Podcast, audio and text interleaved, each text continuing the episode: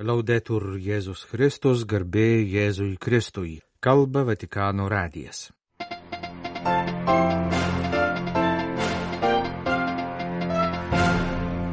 Popiežiaus audiencijos ketvirtadienį. Įsivaizduojamas kunigų pranašumas yra piknaudžiavimų bažnyčioje priežastis, sakė popiežius konferencijos apie kunigų ugdymą dalyviams. Liturgija yra vieta, kur sutinkame Kristų Per kitą ketvirtadienio ryto audienciją Pranciškus sakė dieviškojo kulto ir sakramentų tvarkos dikasterijos nariams. Vasario 8-ąją buvo minima kovos su priekyba žmonėmis ir maldos už aukas diena. Vasario 10-ąją sukanka 85 metai nuo popiežiaus Pijaus XI mirties. Prieš išrinkimą jis lankėsi Lietuvoje. Ketvirtadienio vasario 8 rytą popiežius Pranciškus susitiko su Vatikane šiomis dienomis vykstančios tarptautinės konferencijos skirtos kunigų nuolatiniam ugdymui dalyviais. Dvasininkijos dikasterijos kartu su evangelizacijos dikasterija ir rytų bažnyčių dikasterija surinktos konferencijos tema - Šventojo Pauliaus antrojo laiško Timotiejui žodžiai - Atgaivink Dievo malonės dovaną. Kaip šiandien bažnyčia turi atsakyti į šį Šventojo Pauliaus raginimą, kaip atgaivinti gautą dovaną? Apie tai popiežius Pranciškus kalbėjo per konferencijos dalyviams skirtą ketvirtadienio ryto audienciją, atkreipdamas jų dėmesį į tris esminius kunigo tapatybės ir tarnystės dalykus. Patiems gyventi ir su kitais dalytis Evangelijos džiaugsmu, neužmiršti, kad kunigas yra Dievo tautos narys, kaip ir kiti, suvokti, kad kunigo tarnystė suteikia naują gyvenimą. Krikščioniškajame gyvenime svarbiausia yra draugystės su viešpačiu dovana, išlaisvinanti iš individualizmo liūdėsio ir iš pavojaus gyventi be prasmės, be meilės ir be vilties.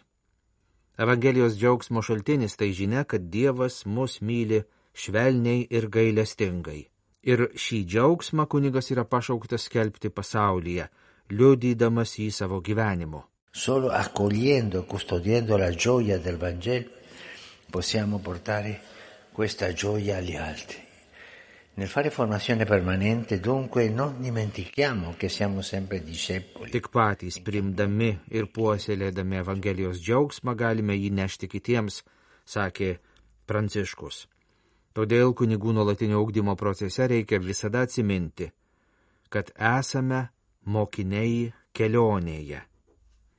O jei matome kunigų, kurie nesugeba tarnauti, yra savanaudžiai, kunigų pasirinkusių verslininko kelią, vadinasi, jie prarado gebėjimą jaustis mokiniais, o jaučiasi esą šeimininkai. Iš tiesų, būti viešpaties mokiniais tai ne persirengti kitais drabužiais, ne maskuoti, bet gyvenimo būdas, Todėl yra labai svarbus kunigų žmogiškasis ugdymas. Kunigai turi sugebėti palaikyti gerus santykius su kitais žmonėmis, būti brandus priimti iššūkius, kad Evangelijos paguoda pasiektų Dievo tautą per kunigų žmogiškumą, perkeistą Jėzaus dvasios. Possiamo vivere bene il ministerio sacerdotale solo immersi nel popolo sacerdotale, dal quale anche noi proveniamo. Kunigiškąją tarnystę įmanoma gerai atlikti tik pasinėrus į kunigiškąją Dievo tautą, iš kurios ir patys kunigai yra kilę. Priklausimas tautai - niekada nesijausti atskirtiems nuo šventos ištikimos Dievo tautos kelio. Mus saugo, palaiko darbuose, lydi pastoraciniuose rūpeščiuose ir apsaugo nuo pavojaus atsiriboti nuo tikrovės ir jaustis visagaliais, kalbėjo popiežius kunigams. Būkite atsargus, nes čia glūdi visų piknaudžiavimo formų šaknys. Siekiant, kad kunigai būtų nuolat pasinėrę į tikrąją žmonių istoriją, reikia, kad ir kunigų ugdymas nebūtų atskirtas nuo Dievo tautos. Kunigų ugdyme reikia naudotis visos Dievo tautos indėliu. Kunigų ir tikinčių pasauliečių, vyrų ir moterų, vienišų žmonių ir sutoktinių porų, pagyvenusių žmonių ir jaunimo, nepamirštant vargstančiųjų ir kenčiančiųjų, kurie irgi gali daug ko išmokyti. Tarnavimas yra svarbiausias kunigo atpažinimo ženklas. Jėzus to mokė visų savo gyvenimu, o ypač per paskutinę vakarienę, kai nuplovė mokiniams kojas. Taip savo tarnystę suvokiantis kunigas viską atiduoda Dievo tautai. Yra arti žmonių ir, kaip Jėzus ant kryžiaus, aukojasi dėl visų. Pakelkime akis į tą sostą, į kryžių, paragino Pranciškus. Ant jo, mylėdamas mus iki galo, viešpats pagimdė naują tautą. E anche noi quando ci mettiamo al servizio degli altri, quando diventiamo padri e madri per coloro che sono affidati, generiamo la vita di Dio. Ir mes taip pat, kai atiduodame save tarnauti kitiems, kai tampame tėvais ir motinomis, mums patikėtiems žmonėms, kūrėme Dievo gyvenimą. Tai yra nauja gyvybė suteikiančios pastoracijos paslaptis, ne pastoracijos, kurios centre esame mes patys, bet pastoracijos, kuri gimdo dukteris ir sūnus naujam gyvenimui, kuri neša gyvą į Evangelijos vandenį, į žmogaus širdies ir kasdienio gyvenimo dirvą. Una Chiesa che non sente la passione per la crescita spirituale, che non cerca di parlare in Bažnyčia, kuri nejaučia dvasinio augimo aistros, nesistengia kalbėti taip, kad būtų suprantama savo laikmečio vyrams ir moteriams, neliūdi dėl krikščionių susiskaldimo, nejaučia nekantros skelbti Kristų tautoms yra serganti bažnyčia. Tai yra sergančios bažnyčios simptomai. Vasario 8 dienos audiencijoje dieviškojo kulto ir sakramentų tvarkos dikasterijos kasmetinio susitikimo dalyviams sakė popiežius Pranciškus. Jis priminė, kad sukako jau šešios dešimtis metų nuo Vatikano antrojo susirinkimo liturginės konstitucijos Sacrosantum Concilium paskelbimo. Tačiau jos pratarmė iki šiol įkvepia ir žadina entuzijazmą, aprašydama esminės bažnyčios reformos dimensijas. Padėti aukti tikėjimo gyvenimui, pritaikyti kintančias institucijas prie mūsų laikmečio, remti tai, kas padeda krikščionių bendrystėj, kviesti visus į bažnyčią. Tai gilaus, dvasinio ekomeninio silovadinio ir misijinio atnaujinimo sumanimas. Ir susirinkimo tėvai žinojo, nuo ko turi pradėti, nuo liturgijos. Jei teologiškai suvoksime liturgijos esmę, galėsime pasakyti, jog be liturgijos reformos nėra ir bažnyčios reformos. Bažnyčios reforma visada yra santokinės ištikimybės klausimas. Kuo labiau bažnyčia mylės savo sutoktinį Kristų, tuo bus gražesnė. Bažnyčia yra moteris ir yra motina. Apie ją daugiau pasako Marija nei Petras. Negalima visko redukuoti į vyro kunigystę. Susirinkimo tėvų dėmesio centre liturgija buvo todėl, kad tai yra vieta, kur sutinkamas Kristus. Tai manoma dėl šventosios dvasios brangiojo sutoktinio kraičio duoto sutoktiniai bažnyčiai veikimo.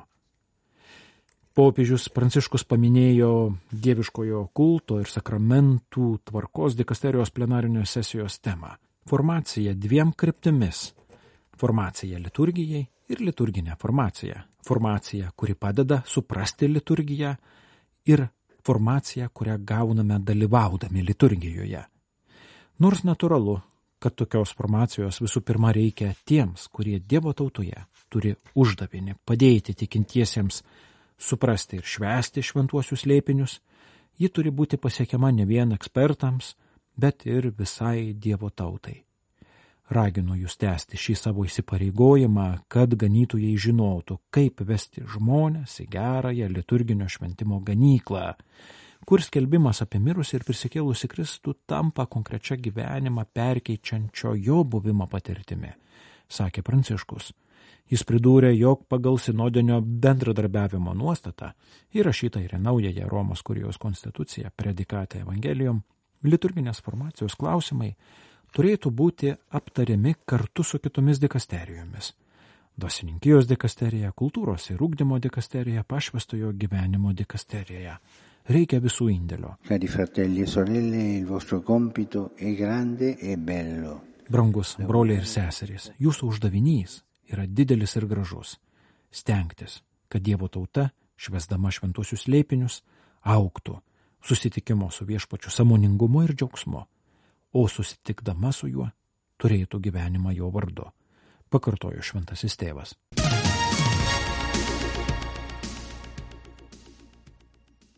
Vasario 8-ąją Šventosios Jozapinos Bachitos liturginio minėjimo dieną buvo minima pasaulinė kovos su priekyba žmonėmis ir maldos už aukas diena. Šią progą paskelbtoje žinioje popiežius Pranciškus primena visų atsakomybę kovoti su šiuo pasaulinio masto blogiu. Popiežius prašo nenusigręžti nuo žmonių tapusių prekybos aukomis. Jomis tampa žmonės bėgantys nuo karų ir klimato kaitos padarinių, priverstiniai migrantai, žmonės, ypač moteris ir mergaitės, tapę seksualinio išnaudojimo aukomis. Popiežius prašo nesusitaikyti su šiuo blogiu, tarsi jis būtų neišvengiamas, drįsti svajoti apie pasaulį be prekybos žmonėmis, pasaulį, kuriame visi žmonės galėtų gyventi laisvai ir oriai. Taip pat reikia ryšto siekti, kad ši svajonė taptų tikrovę, imantis konkrečių veiksmų prieš prekybą žmonėmis. Kas užmerkia akis, kad nematytų, ar užsikemša ausis, kad negirdėtų, kas nieko nedaro, tampa šio blogio bendrininku. Kalba Vatikano radijas, tęsėme programą.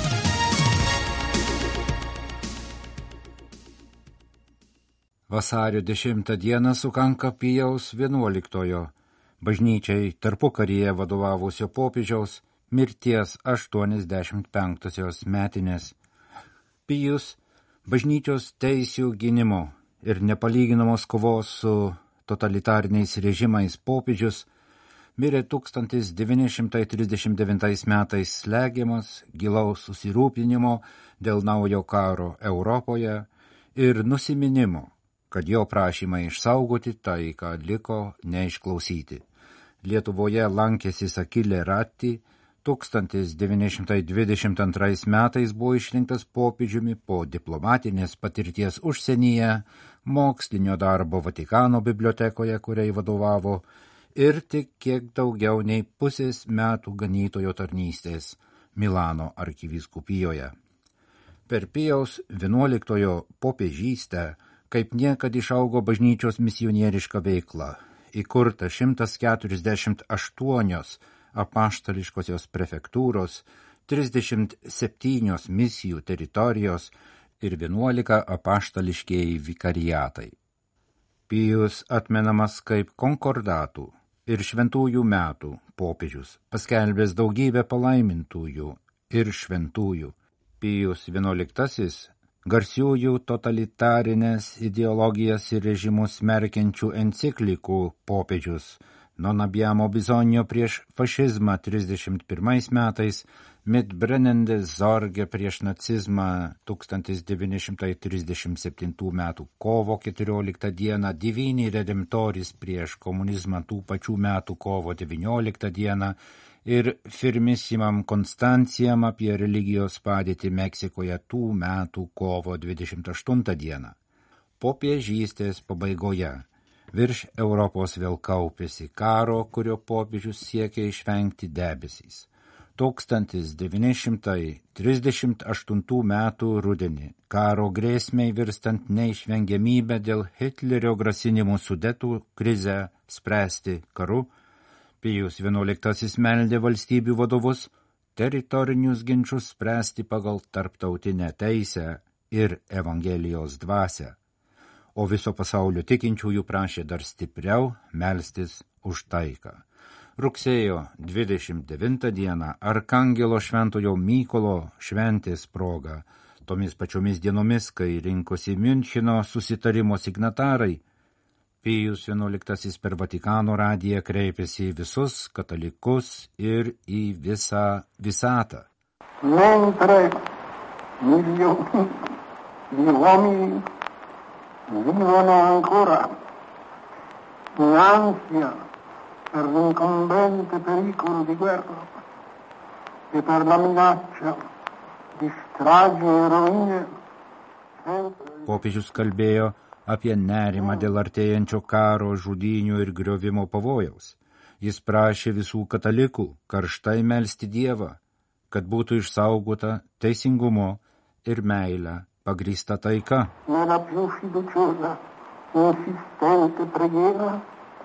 Per la conservazione della pace nella giustizia e nella carità. Popiežius meldė Dievą, kurio rankose pasaulio likimas, kad ypač tomis taikai kritiškomis dienomis pakreiptų valdančiosius pasitikėti, kad sažiningomis dėrybomis ir ilgalaikiais susitarimais galima išsaugoti taiką ir įkvėptų visus visais būdais skatinti ir kurti teisę ir Evangelijos mokymų paremtą taiką.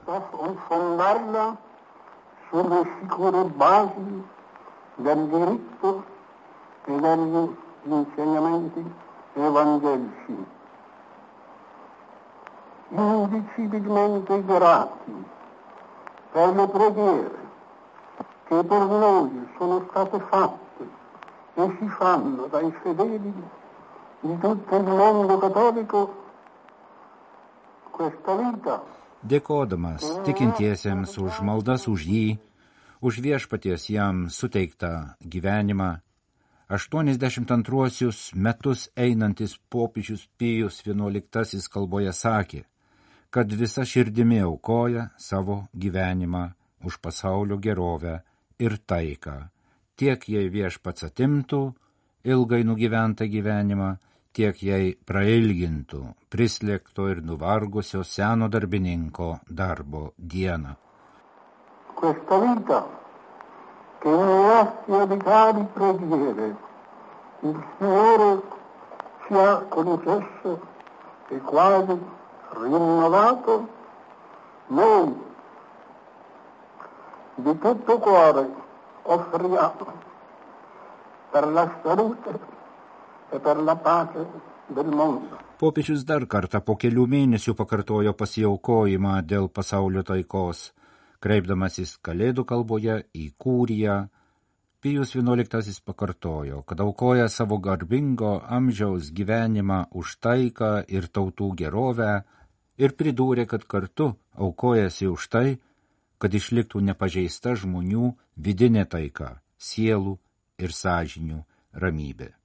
Kaip žinia, Münchino konferencijos susitarimas dar vadinamas Münchino išdavystė, sudėtus perdavė Vokietijoje, kuri okupavo ir aneksavo dalį Čekoslovakijos teritorijos, paskui užėmė visą kraštą, pažeisdama Münchino susitarimo įsipareigojimus garantuoti Čekoslovakijos saugumą agresijos atveju. Europa ir pasaulis pasinėrė į baisų karą. Pijaus vienuoliktojo prašymai išsaugoti taiką buvo neišklausyti. Pijus vienuoliktasis prie taikos klausimo grįžo 1939 m. vasario mėnesį Laterano paktų dešimtmečio proga, tačiau mirė sukakties išvakarėse vasario 10 dieną. Pasak kardinolo Pietro Parolino, Vatikano valstybės sekretoriaus, sakoma, kad nepasakytoje kalboje Pijus XI rengėsi taikos kreipimėsi ištarti pranašų vertus žodžius apie taiką.